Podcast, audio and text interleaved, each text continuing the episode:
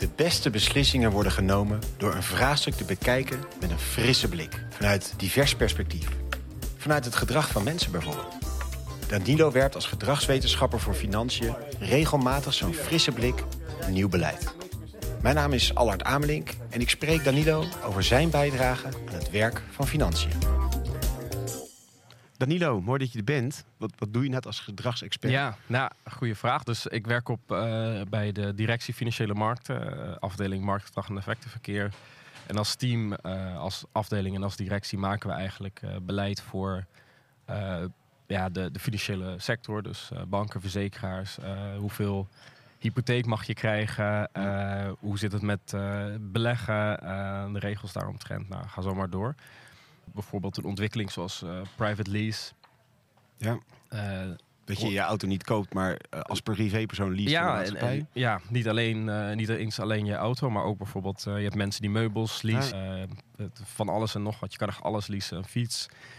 dus je ziet eigenlijk steeds meer beweging daaromtrent. en dan heb je allerlei partijen, zoals toezichthouders, die zeggen nou is dat dan wel een goede beweging? Wel misschien lease je een, een, wasmachine, maar na twee jaar lease had je hem al zelf kunnen kopen. En dan zorgt ervoor dat mensen niet kunnen uh, sparen. Maar aan de andere kant uh, is het voor heel veel mensen ook weer fijn. Je bent flexibel. Uh, als het kapot is, heb je gelijk een nieuwe, zeg maar. Dus ja, moeten we daar regels op maken of niet? Maar ook hoe gaan mensen daar überhaupt mee om? hoe reageren mensen daarop? weten ze goed wat de voorwaarden zijn? Nou, dat zijn echt vraagstukken waar wij uh, mee bezig zijn, maar ook met uh, beleggen bijvoorbeeld. Uh, die, heel, veel van die, heel veel van de regels zijn gemaakt toen. Dan ga je nog naar een kantoor, hè, dan ja. zit je met je adviseur en die nou ja, laat een rapport zien, die geeft je wat papieren. En nu kun je met een paar kliks online jezelf ja. in, de, in de problemen starten, ja, zeg dus, maar. Dus ja.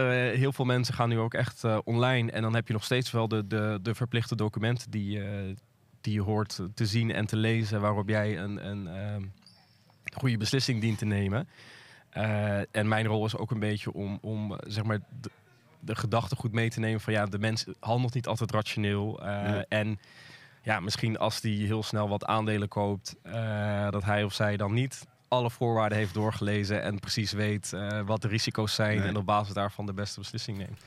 Hey, en hoe ga je dan te werk? Want uh, je, je, zegt het is een multidisciplinair team. Dus je zit ook met ja. echt uh, fiscalisten, uh, economen moet jij soms je positie bevechten omdat je zo van een, een, ander perspectief inbrengt? Is er juist heel veel respect en uh, zijn mensen heel erg onder de indruk van de kennis die zij niet hebben? Hoe, hoe, hoe is dat?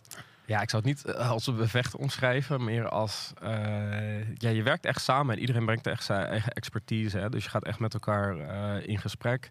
Het hangt er een beetje van af, want, maar ik nou ja, stel er is een vraagstuk en er zit een gedragsexponent aan.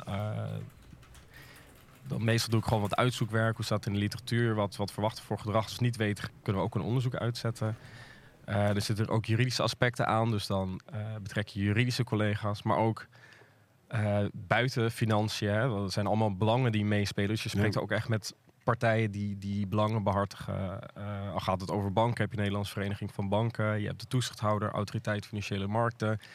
Uh, maar ook de Consumentenbond of Nibud. Uh, dus al die invalshoeken neem je eigenlijk mee. En samen met je collega's uh, kijk je dan, ja, wat, wat is dan de beste invalshoek of de beste manier ja. om het aan te pakken. Dat speelt allemaal mee. Dus niet alleen gedragsinzichten, maar ook heel veel andere belangrijke zaken.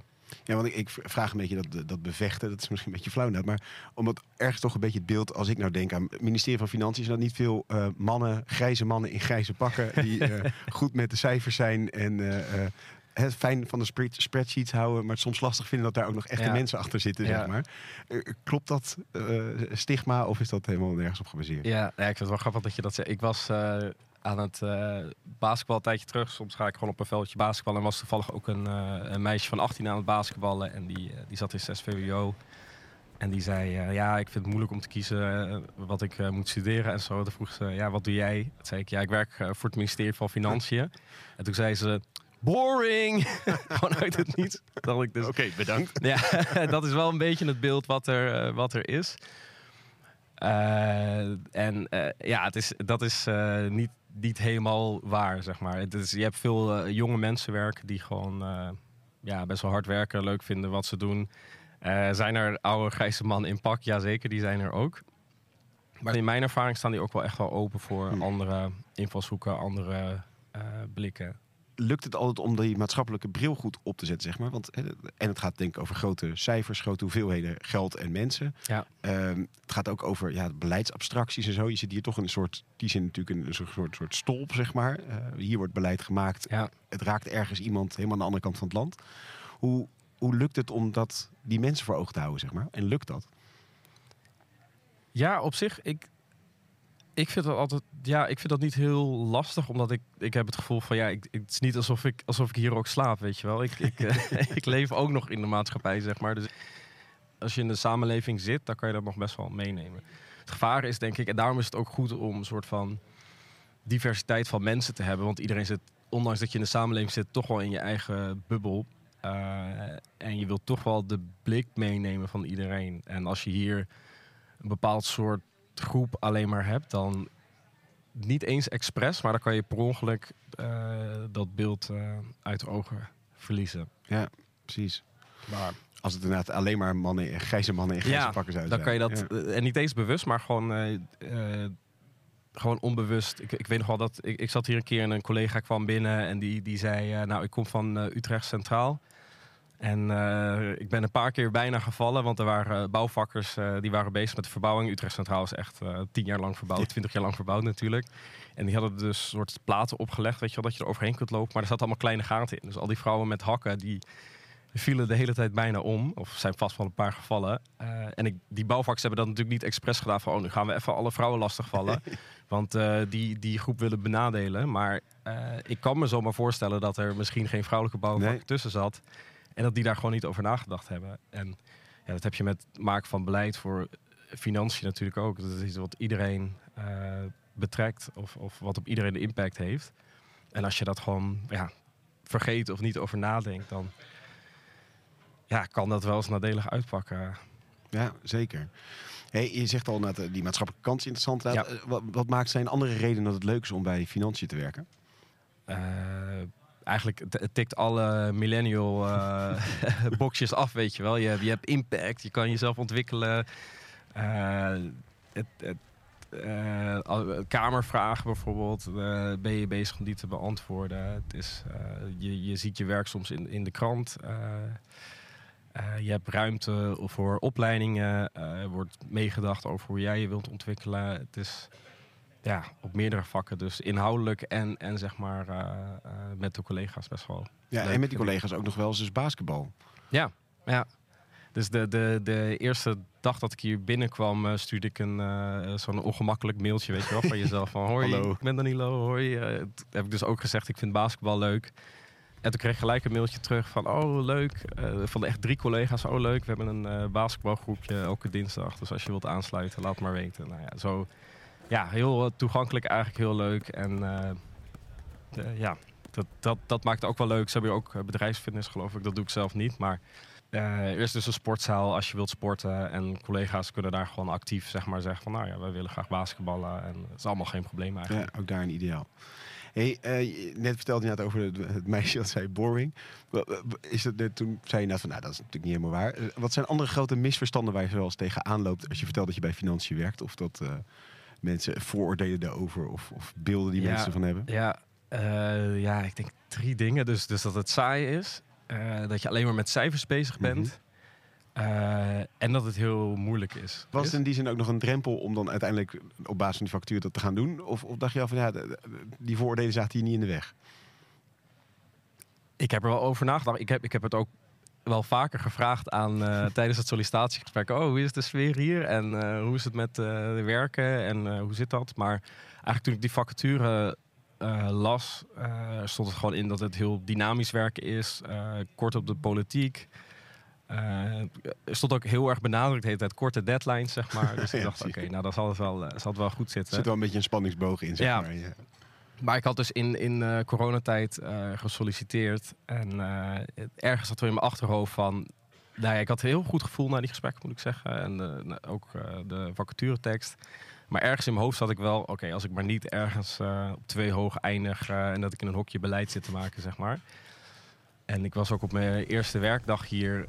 ben ik per ongeluk door de verkeerde persoon opgehaald. Ja, er was iemand anders met dezelfde achternaam als ik. eh, en die om negen uur gemeld had. Dus iemand... was vrij en- toevallig. ja, en zijn voornaam leek ook op mij. Dus ik ging met hem mee.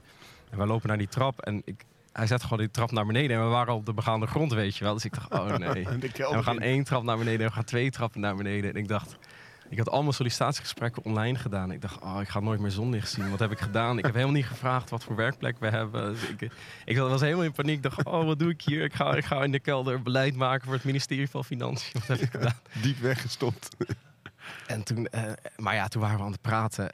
En eh, hij zei, eh, ik, ik weet niet eens meer wat hij zei. Hij zei, je komt voor dat uh, MBOB dinges. Ik zei, nee, wat, wat is dat? Ik weet nog steeds niet wat het is.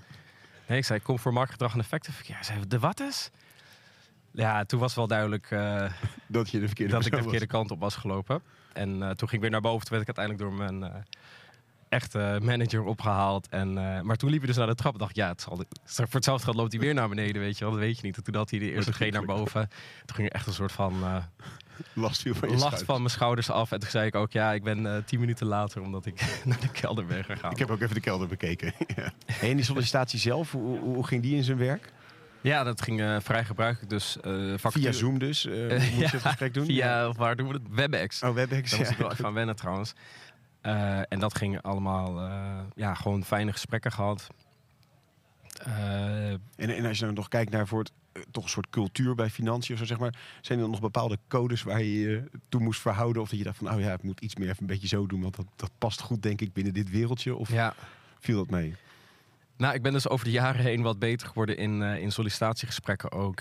Ik weet nog, toen ik studeerde, had ik volgens mij op een gegeven moment had ik vijf keer op elkaar, achter elkaar op allemaal dingen gesolliciteerd. En ik werd het elke keer niet. En ik dacht, ja, hoe, hoe komt dat nou eigenlijk? Eh, en op een gegeven moment, eh, naar wat reflectie en wat met mensen praten, zeg maar, of ja, reflectie gewoon over nagedacht, eh, ben ik erachter gekomen, als je zeg maar niet uit een bepaalde bubbel komt, dan praat je gewoon anders. De hele vorm van gesprekken gaat anders. En die sollicitatiegesprekken en hoe je dingen interpreteert.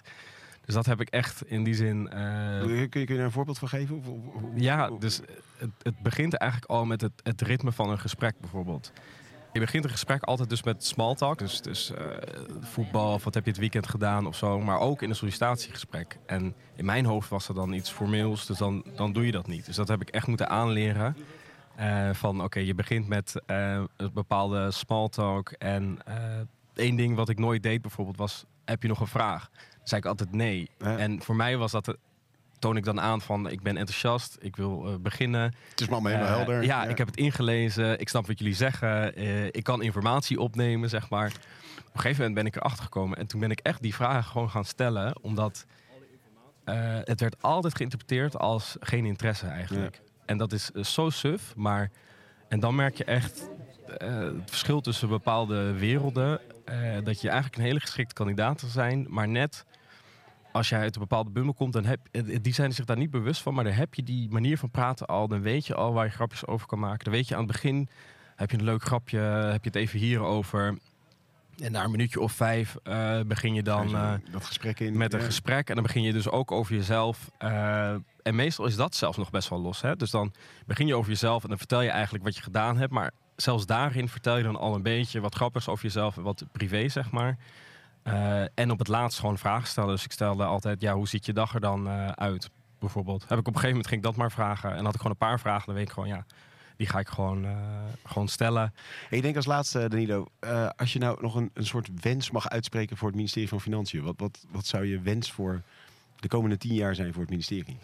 De wens voor het ministerie. Ik denk dat mijn wens zou zijn dat het, en dat is heel moeilijk, het ligt niet alleen het ministerie, maar ook aan hoe de politiek werkt, hoe de media werkt, maar dat het allemaal wat minder politiek zou mogen kunnen.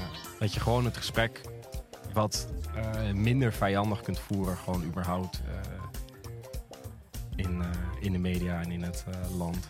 Ja. Dus dat zou mij de algemene... Ja, eigenlijk een brede maatschappelijke wens. Ja, een brede maatschappelijke eh, wens, ja. Ja, ja. Hey, dankjewel Danilo. Ja, graag gedaan. Dank. Het Rijkswapen van het ministerie van Financiën. Beeldtekst Tel mee, samen naar een financieel gezond Nederland.